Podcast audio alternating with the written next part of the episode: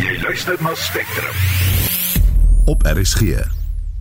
In die program vandag die skorsing van 'n skoolmeisie by die Crowthorne uh, Christian Academy in Midrand weens haar haarstyl ontlok gemengde reaksie van die publiek. What happened to the innocent child in Midrand is an apartheid act. The white people must understand that the yellows are part of African culture. That policy borders on racism. The particular official in that school must be condemned. We cannot scrap all policies. Where there's no policies, there's no discipline at all. That girl is ill disciplined, breaking the laws. Voorbereidings vir volgende week se BRICS-beraad is in volle swang terwyl die wêreld met toenemende belangstelling toe kyk.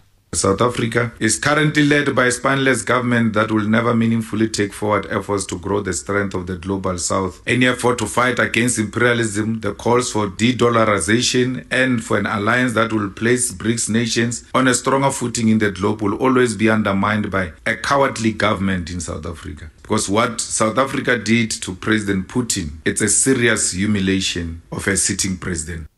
In Swellendam in die Wes-Kaap tel die stukke op na gister se onluste oor gebrekkige dienslewering en hoë elektrisiteitstariewe. Welkom by Spectrum vanmiddag. Die span is Hendrik Martin, Daitrin Godfrey en ek is Susan Paxton. In 'n sportnuus, Die Bokke is bekend vir hul groen en goud trui, maar teen Skotland en Ierland in die Wêreldbeker sal dit nie die geval wees nie. Marokko Swallows teken sy eerste oorwinning van die seisoen aan danksy 'n eienaardige doel teen Sekhukhune United en Manchester United sê hulle sal binnekort 'n besluit maak oor die toekoms van die speler Mason Greenwood teen wie 'n ondersoek gelas is oor sy beweerde betrokkeheid by die aanranding van sy vriendin. Die besonderhede volg net na 12:30. Aanmenay wat gaan op uh, sosiale media aan. Op Twitter gons die hitsmerk dreadlock oor die 13-jarige leerder wat geskort is as gevolg van haar hare. Ons gaan bietjie later daaroor um, praat. En dan op Facebook berig verskeie media oor Dr. Lauren Dickinson wat nie kan appel aanteken teen haar skuldigbevindings aan die moord op haar drie dogters nie tensy 'n regsfout op 'n invloed op die uitkoms gehad het.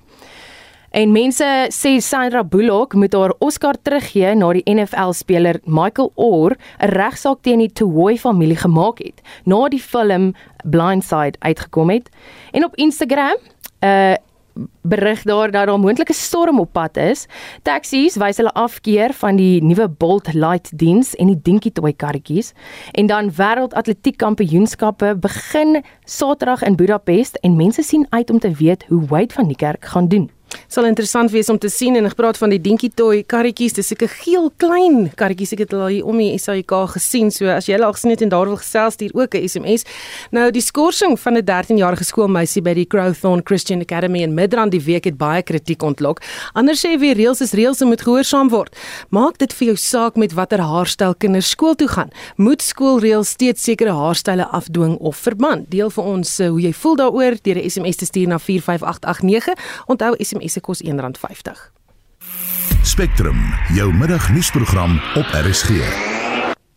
Is so 8 minute oor 12 jy luister na Spectrum en ons het so effens rekenaarprobleme so as dinge eh, effe spring of hop of ons moet weer begin moet wees maar geduldig dat ons net hierdie rekenaars reg kry intussen reëlings is in volle swang om sekuriteit te verskerp om die veiligheid van internasionale leiers en gaste by die 15de BRICS-beraad in Johannesburg te verseker. Die beraad vind volgende week van Dinsdag tot Donderdag in Sandton plaas en sal deur meer as 60 wêreldleiers en 20 internasionale organisasies bygewoon word. Die sekretaris-generaal van die Verenigde Nasies, Antonio Guterres sal dit ook bywoon. Belangrike besprekingspunte op die agenda sal die gebruik van 'n gemeenskaplike geldeenheid vir BRICS-lande wees en die insluiting van ander lande. Die DEA se skare-minister vir internasionale betrekkinge, Emma Louise Paul, is bekommerd daaroor.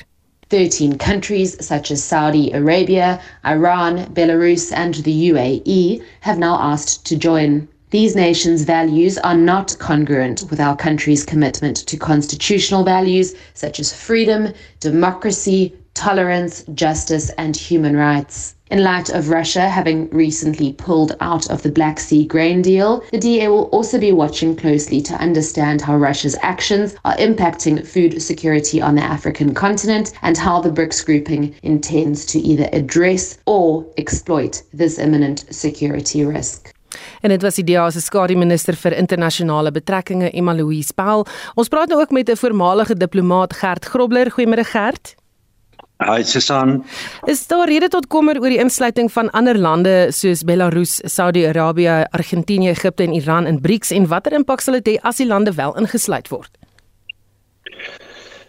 Dis natuurlik verlede jaar tydens BRICS uh, uh 2022 uh, in beginsel goedgekeur. En daar is aansoeke nou van bykans 21 22 lande wat formeel wil aansoek gedoen het wil lid word en 'n engse klomp ander. Maar ek weet ek ek ek, ek is nie so bekommerd daaroor nie in die sin dat BRICS het nou by herhaalde geleenthede geleenthede en ook baie onlangs gesê hulle is nie 'n anti-westerse uh, uh, meganisme nie. Hulle hulle is nie hulle het nie 'n anti-westerse agenda nie. Dit gaan bloot daaroor dat daar 'n toenemende aantal lande in die wêreld is in in 'n ontwikkelende wêreld veral wat 'n meer gebalanseerde, regverdige wêreld wil orde sien en en en multilateralisme of 'n multilaterale hervorming wil sien in die wêreld. So natuurlik gaan hulle bots met die FSA en en en kom ons sê met die Europese Unie oor sommige van hierdie goed. Maar hierdie goed kan by wyse van dialoog en samesprekings kan hierdie goed uitgesorteer word. So BRICS is in beginsel nie 'n anti-westerse meganisme nie. So ek is nie ek ek deel nie heeltemal die kommer van van van die vorige vorige kommentator nie. Hmm. Gesamentlik is die BRICS lande verantwoordelik vir 'n kwart van die wêreldekonomie. Sal die insluiting van ander lande 'n groter eh, geopolitiese mag as teenvoeter vir die weste skep? Dis dit dis onvermydelik. Uh en weer eens in die konteks dat as mens kyk vandag na jou multilaterale opset is die FSA speel steeds nog 'n baie belangrike rol. As mens vat byvoorbeeld die Wêreldbank, die IMF, e speel die weste nog 'n 'n 'n oorwegende rol. En ek dink wat die BRICS lande wil hê is soos ek gesê het om 'n meer regverdige, gebalanseerde, inklusiewe benadering, uh, jy weet, bestel te skep. So ek uh, ek dink al hierdie goed uh, gaan moet bespreek word en ek ek voorsien nie eintlik ek voorsien nie 'n 'n 'n ja twee company uh dis dis dat die BRICS is nie 'n anti-westerse uh, uh meganisme nie. Hmm. Kan die insluiting van ander lande impak hê op wêreldwye handelsooreenkomste en dalk moontlik ook die FSA se opinie beïnvloed oor of die AGOA-ooreenkoms met Suid-Afrika hernie moet word of nie? Ek dink nie so nie uh uh die die FSA is byvoorbeeld uh natuurlik tot 'n mate bekommerd oor die veranderde geopolitiese opset wat ons nou sien van 'n van 'n unipolêre wêreld na 'n multipolêre wêreld. Maar as dit nou kom byvoorbeeld by Afrika, die FSA vry kliphard na die, na Afrika, so ook Rusland, so ook baie ander lande. En uh dat uh hulle wil graag nouer samewerking met Afrika hê. So ek dink nie die hele kwessie van AGOA of ander strafmaatreëls wat daar in die kongres van tyd tot tyd ingedien word gaan gaan gaan materialiseer nie. Uh, uh Afrika bly vir vir vir vir die FSA en vir die weste van van toenemende belang. Sê vir my China hou môre 'n media konferensie oor die beraad. Is dit vreemd dat inligting oor die beraad wat in Suid-Afrika plaasvind deur China gegee word? Ag ek ek dink dit is heeltemal ongewoond nie. Uh in die sin dat daar is nou al van verskeie lande uh ministers en hoofvlak afvaardigings in Suid-Afrika wat deelneem aan aan aan daar's 'n hele reeks as 200 uh BRICS vergaderings wat hierdie hele jaar gehou gaan word. So van die lande se mense sal hier en ek meen daar's niks ongewoon vir hulle om om 'n perskonferensie te hou oor hoe hulle veral as 'n BRICS land die die uitkoms van die BRICS beraad uh sien nie uh, en natuurlik ook tot 'n mate dis vir uh, die hulle eie publiek in hulle eie lande. So ek dink nie dit is dis dis dis dis dis is so ongewoon nie. Baie dankie, dit was 'n voormalige diplomaat Gert Grobler. Soos jy vroeër in die nuus gehoor het, sit die deelnemers aan die veelparty handves vir Suid-Afrika vandag al samesprekings voort nadat die partye gister ooreengekom het om alle politieke partye te nooi om deel van die koalisie te vorm wat saamstem dat die ANC ontroon en die EFF uit die regering gehou moet word. Die politieke wetenskaplike professor William Gumede sal op die tweede en laaste dag van die samesprekings weer die voorsitter wees. Die sewe partye het gister beginsels en prioriteite neergelê wat almal ondersteun. Dit sluit in ekonomiese groei en werkskepping, die beëindiging beëindiging van beurtkrag, die skep van energie-sekerheid en veiligheid en sekuriteit. Die voormalige leier van die DA, Danny Leon, sê die veelpartytjie-koalisie is 'n langtermyndoelwit wat uiteindelik bewaarheid word. 97 when Nelson Mandela did say to me directly, look, I'd like you to join the government. The uh, requirement then was you had 5% of the votes uh, before you could enter the government for National Unity. My party, the Democratic Party at the time, had 1.7%. And it was a very tempting offer, and we had long discussions about it, uh, President Mandela and me. And I said to him at the end of the day, look, I think we need to establish the idea of opposition outside the government. Otherwise, we'll live in an effective one party state. And he was, you know, very decorous and polite, and he understood that, or said he did. And so we plowed our own furrow. And in the next election, when the DP massified its presence compared to what it had and became the official opposition, we then set about trying to make the opposition more consolidated and therefore formed the DA with the new National Party and the federal lines.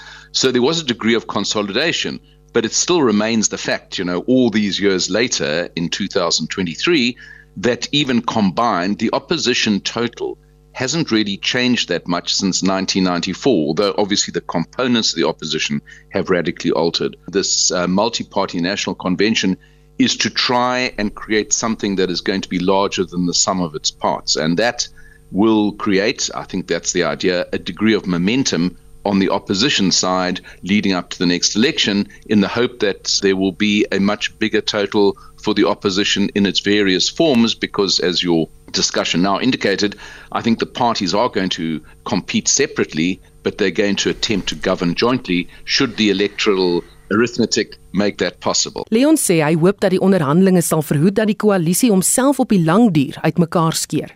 Obviously, I think nobody imagines, and certainly if they've got any degree of realism, none of those parties will imagine that uh, the party that comes out of the next elections, the largest party, is going to be any party other than the ANC.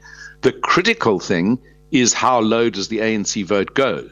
And if this multi party effort actually helps suppress the ANC vote and boost the opposition vote, then there could be some very interesting outcomes from the election. So I think it's still a conversation about and around the ANC because it's such a dominant party. And even if it does terribly in the next election, as it probably deserves to do given the misgovernance in the country, it'll still be the number one party. But how low or high that number one is, is going to determine the meaningfulness or otherwise of the opposition uh, convention. Die woordvoerder van die ANC, Mahlengi Bengu Motsiri, sê die ANC voel glad nie sleg omdat hy nie by die veelparty koalisie betrek word nie.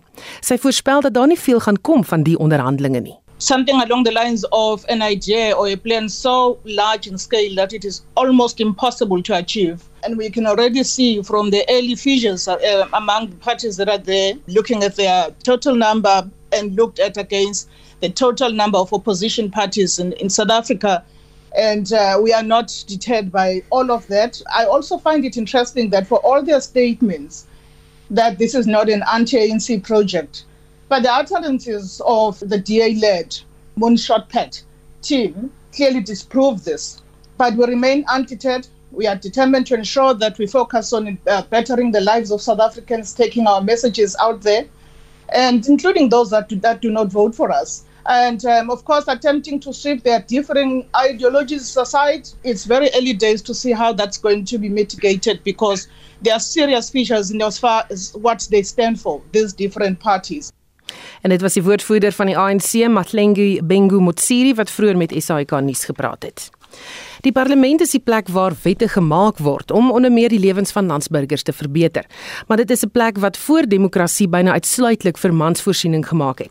Celine Merrington kyk in die volgende bydra na wat verander het van wette om vroue te bemagtig en beskerm tot infrastruktuurveranderinge om te sien waarmee vroue LP steeds sukkel. Voor 1994 was vroue verteenwoordiging in die parlement 2,7%. Vandag word net meer as 45% van die sitplekke in die nasionale vergadering beklee deur vroue en 36% in die Raad van Provinsies. Die Suid-Afrikaanse parlement is onder die top 10 in die wêreld as dit kom by vroue verteenwoordiging. Dit is iets wat die ANC LP Lindiwe Bibi hoog op prys stel. We have got those women that are in those I mean high positions that were uh, led by men before. But now as we speak we've got the speaker of Honorable Nosipo Ngagula, we've got our chief whip Honorable Ma Pemma Chotina. All those critical posts are held by women and also with the chairpersons. We know that the majority of us are women that are there to show that, I mean, we do have that strength, as you know, that uh, before we were led by men. Nazli Sharif sê die mediese fonds vir LPs het ook tekortkominge. The medical aid that all parliamentarians use is called PARMED, but PARMED is so backdated that they don't have benefits example for reproductive health for gynecology visits no. yeah for young parliamentarian women going on the pill the amount of money that they have stipulated for reproductive health is less than the money that they've stipulated for glasses for your for optometry visits Uit 'n infrastruktuuroogpunt moes meer badkamers vir vroue beskikbaar gemaak word in 1994. Toe die DA-leier Lindiwe Mazibuko gedurende 2011 en 2014 in die posisie was, het sy gegrap dat sy die urinale in haar persoonlike badkamer omskep het in potplanthouers. En baie vroue in hoë hakskoene het moeder Aarde al van naby ontmoet as gevolg van die steentjies op die perseel. 'n DA-lid wat al so wat 20 jaar op die perseel doenig is, Desiree van der Walt, sê sy het geleer om aan te pas. Now, in fact, uh, if you would ask me for a challenge after so many years on high heels, I would have told you I'm on flat heels now. because indeed the cobblestones aren't, you know, on weren't never set for people who were wearing very high heels. Die parlementse woordvoerder Moloto Mutapo sê die kwessie van die mediese fonds sal na die relevante persoon verwys word vir kommentaar. Zelin Merrington, Parlement. Bedogings in Swellendam in die Oeverbergstreek duur steeds voort. Inwoners is in opstand teen 'n gebrek aan dienslewering en stygende kragtariewe. Meer as 100 betogers is in hegtenis geneem in verband met openbare geweld nadat betogers nou gister groot verwoesting in Swellendam en die aangrensende Railton Township gesaai het. Die munisipale kantore en verskeie ander besighede is aan die brand gesteek en winkels is geplunder. Die N2 is ook gister vir groot dele van die dag deur die betogers versper. Die polisie en verskeie sekuriteitsagentskappe is ontplooi en ons praat nou met die buurtwagvoorsitter en die Afriforum veiligheidshoof in Swellendam, Hans Tron. Goeiemôre Hans. Goeiemôre. En eh, sê vir my 'n groot groep betogers het weer vanoggend hierdie dorp en die omliggende Relton beweeg. Wat is die situasie op die oomblik? Uh, hulle het vanoggend weer bymekaar gekom en uh, beweeg binne in Relton self. Hulle het op 'n stadium weer 'n vergadering gehad, maar nie uit is uitmekaar uit en gesê dat hulle gaan nou 5:00 vanmiddag weer bymekaar kom en dan sal hulle besluit 'n finale besluit neem wat hulle wil doen. Die munisipaliteit en van die betoger mense is besig met onderhandelings op hierdie stadium. So op hierdie stadium is dit baie rustig. Uh meeste van die besighede het kennis gekry om te sluit en hulle mense huis toe te stuur. So ons weetwaglede het nou van een posisie geskuif na 'n ander ons doen maar nog gereeld patrollies op en af in die in die strate. So maar op hierdie stadium is dit alles redelik rustig hier rond. Is daar polisie en ander sekuriteitsbeamptes ontplooi? Ja, hier is redelike groot uh, polisie teenwoordigheid. Uh hier is twee uh pops uh onderste eenhede en hier is twee van die ends uh voertuie met, met bemanning en dan is hier drie of vier ander private sekuriteitsmaatskappye ook teenwoordig in die, in die dorp. Hm. Jy het gesê daar is tans onderhandelinge aan die gang, um, maar ek hoor die munisipale raad het gisteraand 'n vergadering gehad, maar ons verstaan hierdie vergadering is toe verdaag. Ja, want van die mense het opgeruk na die area of die plek waar die vergadering was, so hulle moet dadelik die plek ontruim en wegkom. So hulle is nou besig ergens in die dorp met vergaderings. So op hierdie stadium wag ons ook op 'n uitslag van hulle kant af. Uh maar dinge is redelik rustig nou. Hulle het vanoggend so ek sê uh mense gestop om nie te kom werk nie en so en hulle het baie afgeblok daarbo in die woongebied maar nog niks in die dorp in nie. So meeste van die mense wat nou kom werk het is nou reeds weer huis toe gestuur. So ek gaan nie so ons verwag moeilikheid nie, maar ehm uh, daar kan weer onaangenaamhede begin. Uh hulle wil ook hê dat die mense wat gearresteer is as gevolg van die onluste uh teen 'n sekere tyd uh, vrygelaat word. Nou, ek weet nie wat die onderhandelinge en wat die siening is nie al my al wat ek van weet my kennis daar is dat daar gesê is dat hulle sal nie met die mense onderhandel terwyl hulle gewelddadig is nie. So ja. ons kyk maar doen nog steeds patrollies. Hans kon julle agterkom hoekom hierdie gewelddadige betogings? Dit gaan maar basies oor mense uh klaar oor die hoë tariewe van elektrisiteit as ook hulle wil gratis water en ligte uh elektrisiteit hê. Ehm um, ek dink dit is maar 'n ding wat ook gebroei en broei het en wat nou tot 'n uh, uitbarsting gekom het.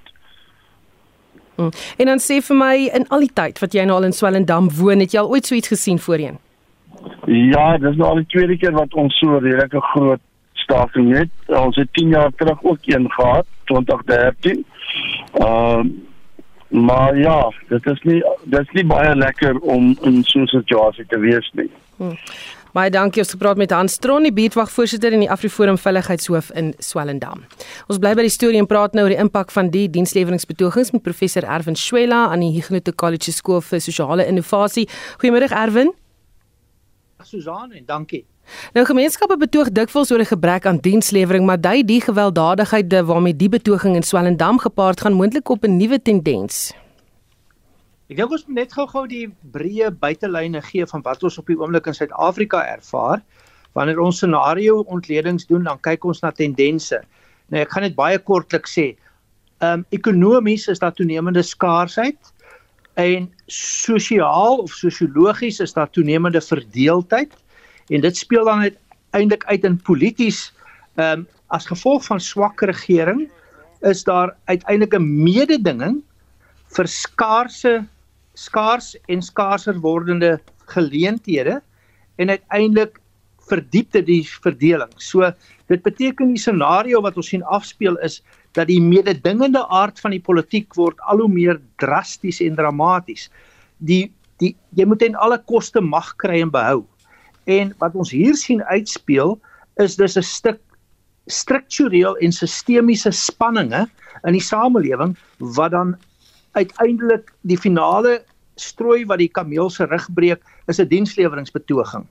Ek wil dus op grond van wat ek nou gesê het voorspel dat ons gaan dit toenemend sien want dit het natuurlik ook nou 'n uh, impak op volgende jaar se verkiesingsuitslae waar hierdie mobilisering plaasvind om onder andere die politieke dimensie te probeer verander tot die voordeel van die partye wat dink hulle kan daai uit voordeel trek. Hmm. Is al reeds dit kommer kan hierdie boodskap wees wat na ander dorpe oorgedra kan word? Wel ons het byvoorbeeld ver oggend uh, in Mosselbaai 'n uh, 'n uh, 'n uh, meer georganiseerde vreedsame um, optog gesien waar daar ook spanninge is as gevolg van plaaslike politieke aspekte. Maar dit is net nog 'n voorbeeld. Uh, uh, ons het verlede week die die Santaku taxi staking gesien. Dis nog 'n voorbeeld. Ek vermoed ons gaan meer sulke voorbeelde sien op grond van hierdie diep sistemiese strukturele kwessies en dan aangevuur deur die twee verdere vir die oomblik veranderlik is. Die een is eh, die feit dat daar volgende jaar 'n plaaslike owerheidsverkiesing is. So die poging is om om te posisioneer daarvoor en die ander is is die gebrekkige vermoë van die beheerinstellings van die staat om hierdie goed aan bande te lê. Nou ons het tragies genoeg 'n goeie vriend en oud student wat gister deur hierdie proses in Swellendam se hoofstraat is. Dit blyk dat hy van die N2 af herlei is na die hoofstraat toe waar die situasie baie slegter was en daar was eintlik nie 'n gebeurlikheidsplan nie. Dit wil lyk asof die intelligensie liggame besig is om die BRICS-beraad te bepaal, so net joints werk daaraan, maar daar's van plaaslike intelligensie misdaad intelligensie allerlei forme van intelligensie nie sprake nie. So niks word gedoen om dit te voorkom nie. ehm um, eintlik behoort hierdie goed baie duidelik aangedui te gewees het. So die en dan wanneer dit gebeur, is daar 'n reaktiewe poging om nou ehm um, die openbare orde polisie in te stuur en so voort, ja. maar dit is gewoonlik te laat. En dis so dis deel van die dilemma. Baie dankie. Dit was professor Erwin Schwella aan die Ignoto College Skool vir Sosiale Innovasie. Nou die eh, Wes-Kaapse regering het nou ingegryp in 'n poging om die situasie met die betogers te probeer beredder. Die Wes-Kaapse ALR vir Gemeenskapsveiligheid Regan Allen het vanoggend in Swellendam aangekom, maar ons praat nou met die burgemeester van Swellendam, François Durant. Goeiemôre François. Goeiemôre. Hoe ernstig is die situasie op die oomblik? Um, ek is bly om te vermeld dat die situasie stabiel is op die oomblik. Dis nog bietjie ehm um, daar's nog bietjie spanning hier en daar, maar heidaglik is dit uh, definitief rustig. Die is 'n groot hoeveelheid van uh law enforcement agentskappe wat um, wat, wat uh, beskikbaar is hier om ons te help. So op die stadium is dit baie kalm, maar daar is in daardie areaetjie wat nog bietjie spanning het. Hmm. Daar word nou gesê dat uh, die betogers nie verder wil onderhandel of wil gesels nie voor al die mense wat in hegtenis geneem is, die vrygelaat word nie. Is daar samesprekings aan die gang? Ehm um, dit die plaaslike regering kan ongelukkig 'n mandaat is nie ehm um, arrestasies of vrylatings. Dit is 'n uh, uh, separate proses parallel wat selfs bedryf. Dis nie iets wat die munisipaliteit kan um, help mee nie. As die uh, sep um, is op polisie diens as hulle mense arresteer wat wat uh, kriminele dade doen, dan moet hulle geproseseer word deur die proses. So dit is nie iets wat ek kan kommentaar lewer nie en ek kan wat ek sê is dat die die die generaal van die oos van die streek um, het gesê dat hulle die mense nie gaan vrylaat nie en elkeen gaan, gaan geproseseer word en voor die hof verskyn. Hulle is besig daarmee heidaglik. Hmm. Goed, eh, wat is die betogers se griewe? Hoekom betoog hulle? My inligting wat ek gekry het van die begin af is dat die inwoners is ongelukkig dat hulle nou moet aansoek doen vir deerne subsidie. Dit is die inwoners in die informele um, gebied. Die ons beleid het voorheen gesê dat as jy in 'n informele gebied bly, dat jy outomaties kwalifiseer vir vir die deerne subsidie.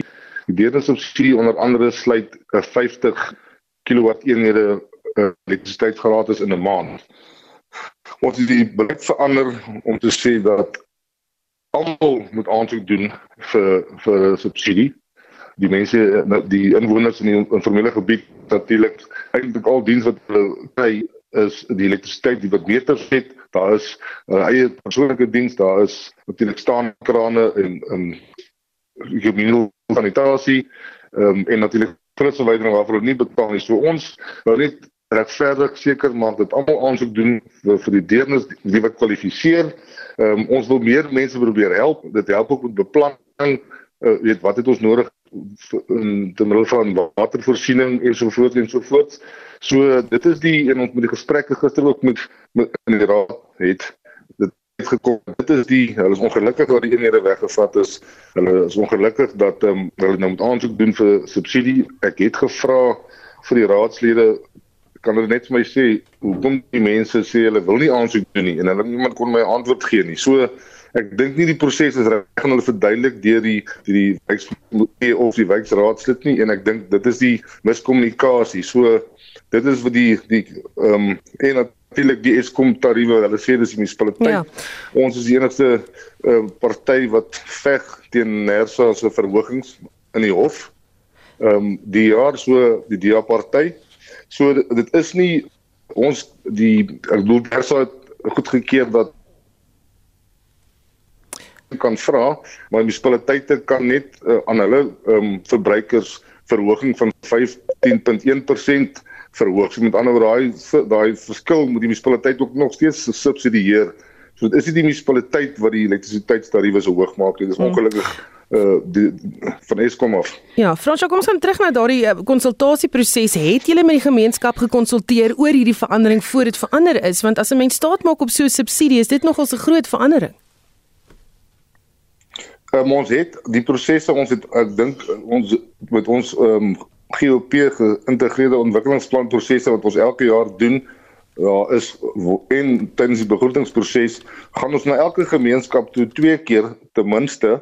Um, ons die, die wijkkomitees word opgelei en ons hou werkswinkels met raadlede en en wijkkomitees so dat hulle die die met hulle vergaderings wat die wijkraad moet hê 'n wijkkomitee vergadering en 'n wijkterugvoer vergadering dat hulle die mense kan inlig van die veranderinge die begroting waar gaan ons geld spandeer um, hoekom projekte op verskillende tye gaan gebeur en so ek glo die die um, ons prosesse is gevolg want daar die einde van die van die proses voor die begroting goedgekeur word is daar ook 'n uh, geleentheid vir al die sektore en die wyke en die wijkkomitees om weer in die stad sal weer hulle prioriteite te uit te lig as hulle wil te verander en natuurlik enige vrae te vra.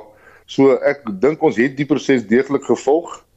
Ehm um, ek kan nie ehm um, ongelukkig nie kommentaar lewer of die die beleidsverandering reg oorgedra is aan die inwoners nie en uh, so dit kan ongelukkig nie op ja. kommentaar ja. lewer nie. Want as mens kyk aan hoe gewelddadig hierdie was, kon julle was daar glad geen klagtes hieroor toe julle gesê dit gaan verander nie of dat mense ontevrede is nie. Was daar geen aanduiding hiervan nie? Die die raad het gesê die, uh, van die ANC raad het gesê hulle wil dit nie uh, verander nie. Ons het gesê daar is 'n rede daarvoor. So ek sê om meer mense die regte mense wat moet deurnis kry moet ons die vangnet ons moet hulle uh, diens die diens gee natuurlik die subsidie um, en natuurlik vir die beplanningsdoeleindes dit is omdat die mense die inwoners van die informele gebied al reeds uh, hulle kry nie die dienste in hulle huise nie. So hulle sou uh, seker 99% van die inwoners sou anyway uh, gekwalifiseer het vir die deurnis subsidie. Ons wil net hê hulle moet doen want dit natuurlik as ons uh, die equitable share ek weet nie wat dit in Afrikaans is ongelukkig nie van die van die regering af kry waarvoor tek vir belastingbetalers betaal word daai toekenning gemaak um, op die kalkulasie van wat is jou armoede in jou in jou munisipaliteit. So as ons meer um, deernisgevalle kan registreer en die mense kan help want daar is die vangnet is daar, dan kan die regering sien maar ons het 'n groter nood in armoede, dan kan hulle ons equitable share vergroot wat natuurlik help om meer mense die, dienste te gee. Hmm. Fransjo, hoe gaan julle dit dan nou verduidelik aan die inwoners wat dan nou reeds ontsteld is en ongelukkig is?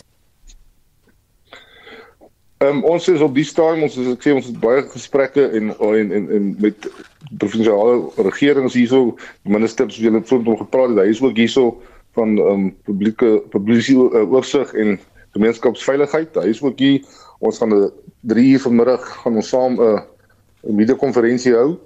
Ehm um, die andersins die ander proses waarmee ons besig is is die raad gaan vanmiddag weer ontmoet. Ons het gisterand ontmoet om te praat en te luister na mekaar. Ons het ook iemand wat ons vir ons fasiliteer tot daar net ongelukkig um, ons die proses is gestaak en ons um, oor daar bedreigings was. Ons het dit opgehou en ons sê ons sal vandag weer um, voortgaan. Ons natuurlik sal ons weer na die gemeenskap gaan luister ons weer verduidelik um, want ek soos ek sê uh, ons is bereid om te help. Ons het gesê ons dit sal 'n dryf doen om julle almal te registreer, maar die inwoners het gesê dan die munisipale bestuurder hulle stel nie belang om te registreer vir die subsidie nie. Hm. Baie dankie het gepraat met die burgemeester van Swellendam, François Durant. Tyd vir sportnuus. Udo Karels het vir ons die jongste en ons begin met rugby want die Bokke skop die Wêreldbeker veldtog teen Skotland af op die 10de September. Maar as jy verwag die verdedigende kampioene gaan in groen en goud speel, gaan dit nie die geval wees nie, Udo.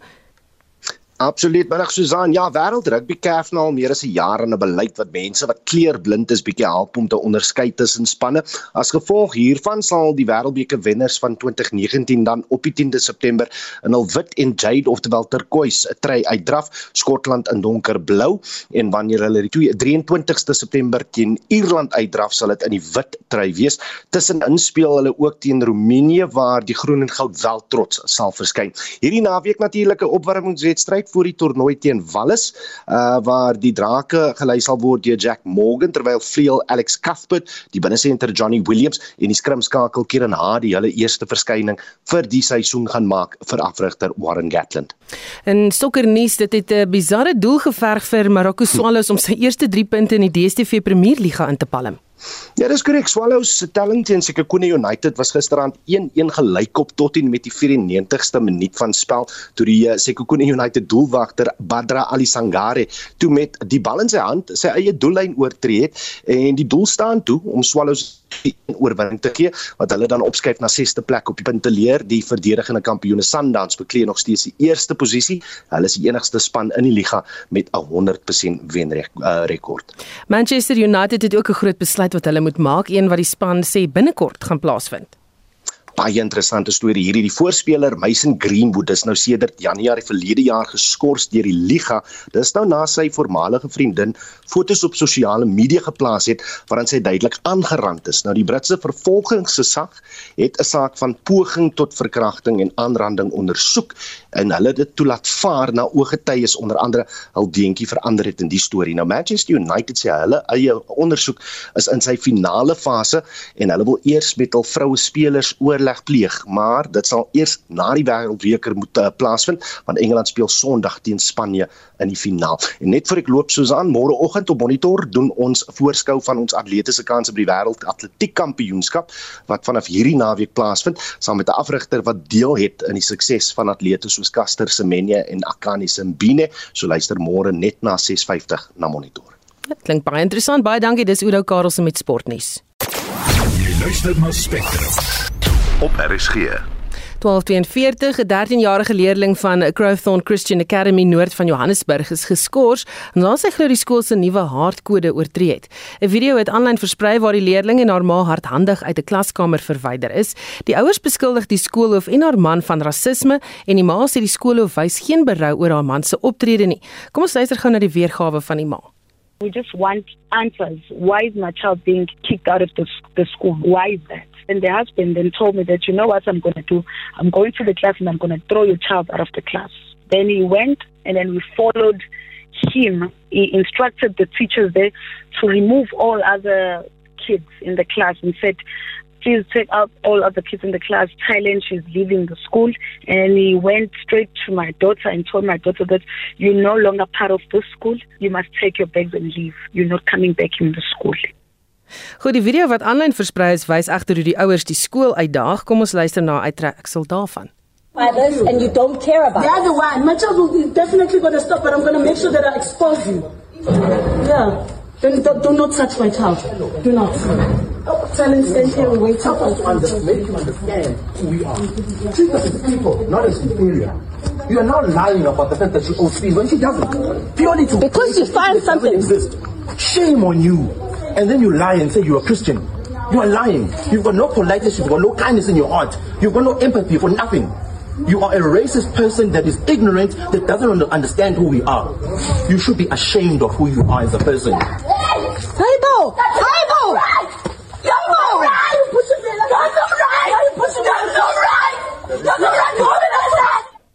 Nou die EFF het intussen die skool ook van rasisme beskuldig. 'n Lid van die EFF in Gauteng se provinsiale bevelspan verantwoordelik vir opvoeding, Frans Ngubeni.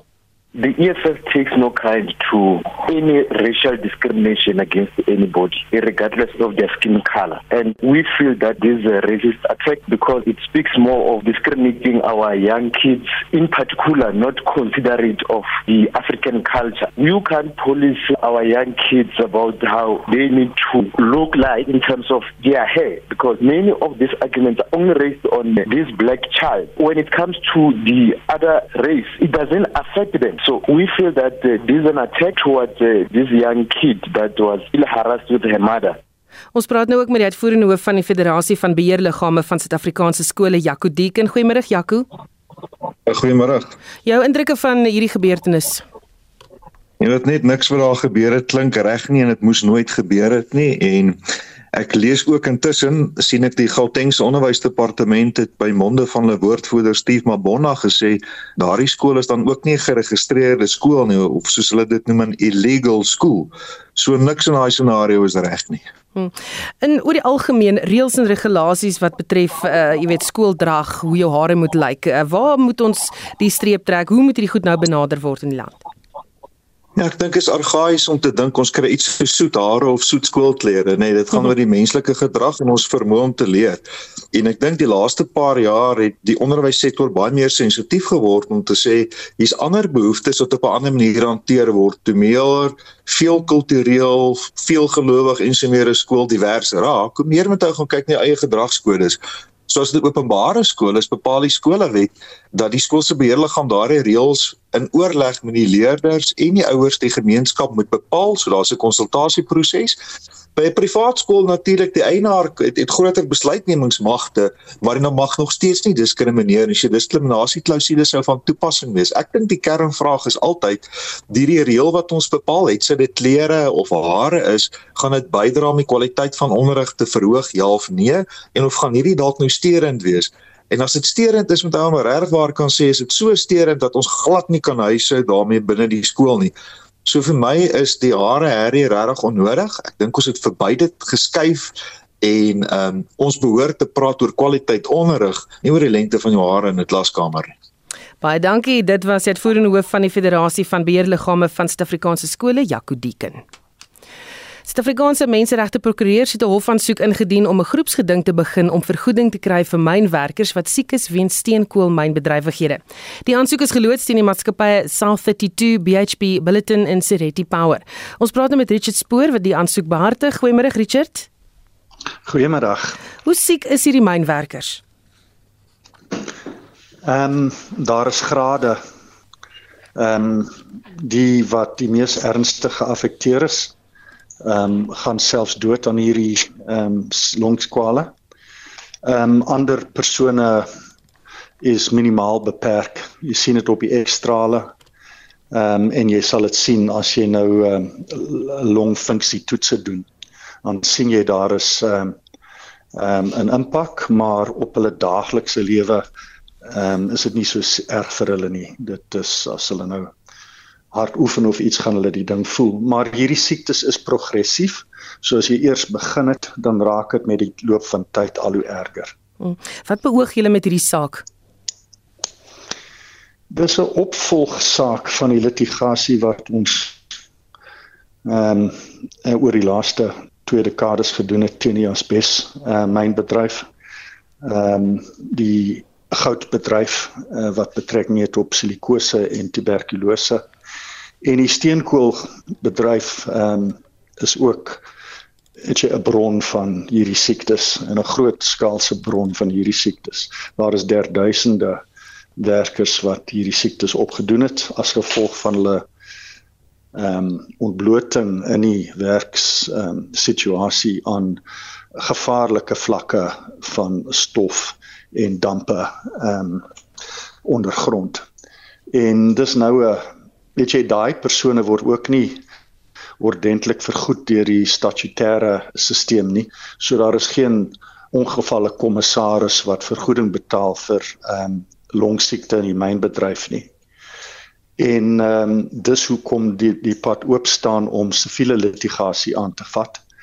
Ehm um, en uh, weet jy deur die howe uh vergoeding te kry, skadevergoeding vir die skade wat hierdie mynwerkers en hulle families as die mans nou dood is ehm um, gelei het as gevolg van hierdie siektes. Hmm. Baie dankie, dit was die menseregte prokureur Richard Spoor. Ons bly by ekonomiese stories en sakevertroue bly redelik stabiel op die oomblik. Dit is volgens die jongste Suid-Afrikaanse Kamer van Koophandel en Nywerheid se sakevertroue indeks. Maar hoewel sakevertroue stabiel bly, is die ekonomie maar redelik flou. Ons praat nou met die ekonom Richard Downing. Goeiemôre Richard. Goeiemôre Jean. Sal ons net gou weer wat presies mee Hallo? Kan jy vir my hoor Richard? Ek hoor jou. Sê gou vir my wat presies meet hierdie indeks? Wel hierdie indeks kyk ons ons ons kyk na die, wat in die ekonomie gebeur in terme van sekere aanwysers en in terme van finansiële markte soos ons nou gehoor het. En uh, daai daai tipe inligting uh, uh, uh is is waarna besighede kyk om om 'n soort van idee te kry hoe lyk dit daar buite die die vertroue en wat hulle soort van persepsies vorm oor wat wat aan die gang is.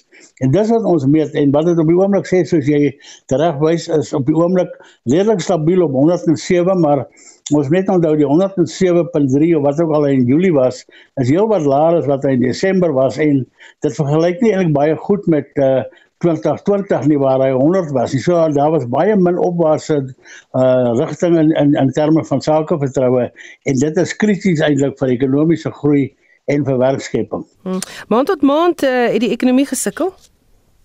Ja, baie. En ek meen as as 'n mens gaan kyk na die ons het so 'n tabel wat ons opstel oor die maand tot maand bewegings, dan sien ons al die uh fisiese ekonomiese aktiwiteite uiteindelik afgeneem.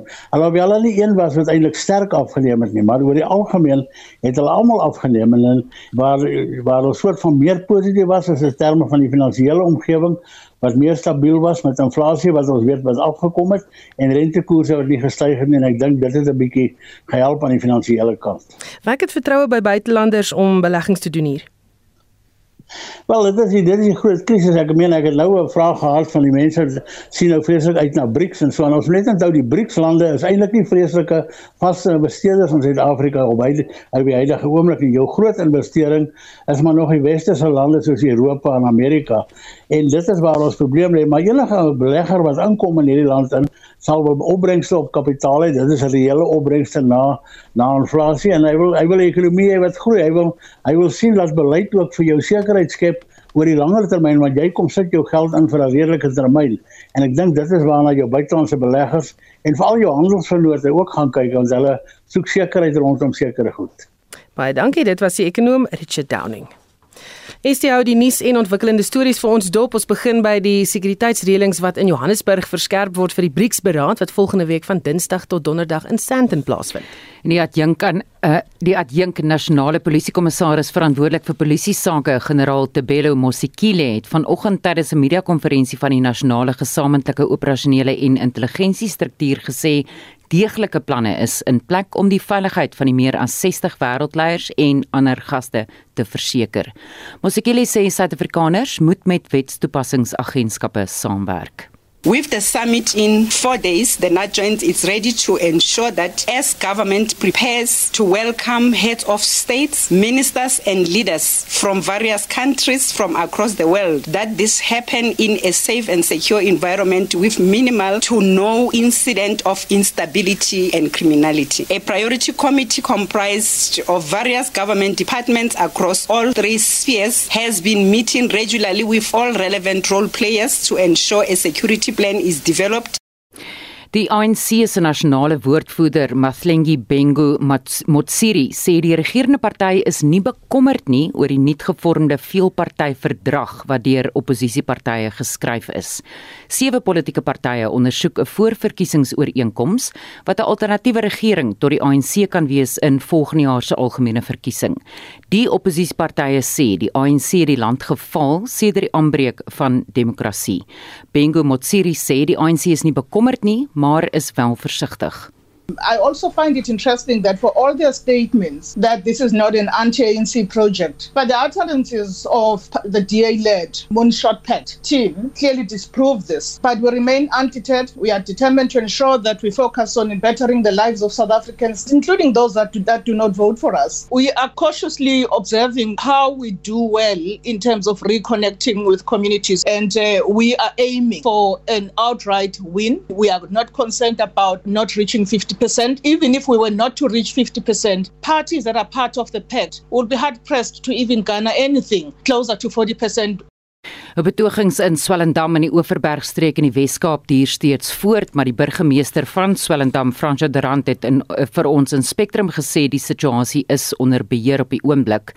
Betogers is in opstand teen swak dienslewering en stygende kragtariewe en groot skade is aangerig toe die munisipale geboue en ander besighede aan die brand gesteek en winkels geplunder is. Die polisie en sekuriteitsagentskappe is in die gebied ontplooi en talle betogers is reeds sedert gister in hegtenis geneem. Hier is die polisie woordvoerder in die Wes-Kaap, Chris Spies. Die polisie monitor die situasie en sal in die gebied bly tot die situasie genormaliseer het. 106 verdagtes is in hegtenis geneem op klagtes van openbare geweld, opsetlike saakbeskadiging en brandstigting. Diegene wat in hegtenis geneem is, word tans verwerk en sal na verwagting later vandag in die hof op die dorp verskyn. Swellendam is egter nie die enigste dorp waar inwoners betoog nie. Meer as 1000 betogers in Mosselbaai in die Wes-Kaap het opgeruk na die plaaslike munisipale kantore in opstand teen stygende tariewe en beweerde korrupsie en bedrog deur munisipale amptenare. Skakel ook in vir brandpunt om kwart voor 6 vir 'n opsomming van die dag se nuus. En dit was Estie met 'n oorsig van die nuus en ontwikkelende stories. Nou 'n klomp mense wat saamgesels oor die skorsing van die 13-jarige skoolmeisie by die Crowthorne Christian Academy in Midrand die week. Dis na 'n probleem met haar hare.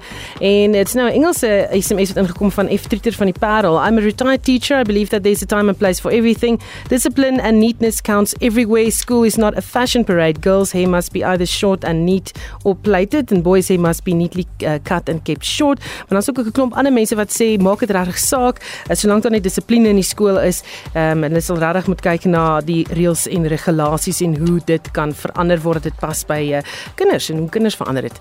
daarmee groet ons. Dit was Spectrum met uitvoerende regisseur Nicoline de Wee, vandag se redakteur Hendrik Martin, ons produksieregisseur Daitrin Godfrey. My naam is Susan Paxton. Geniet jou middag.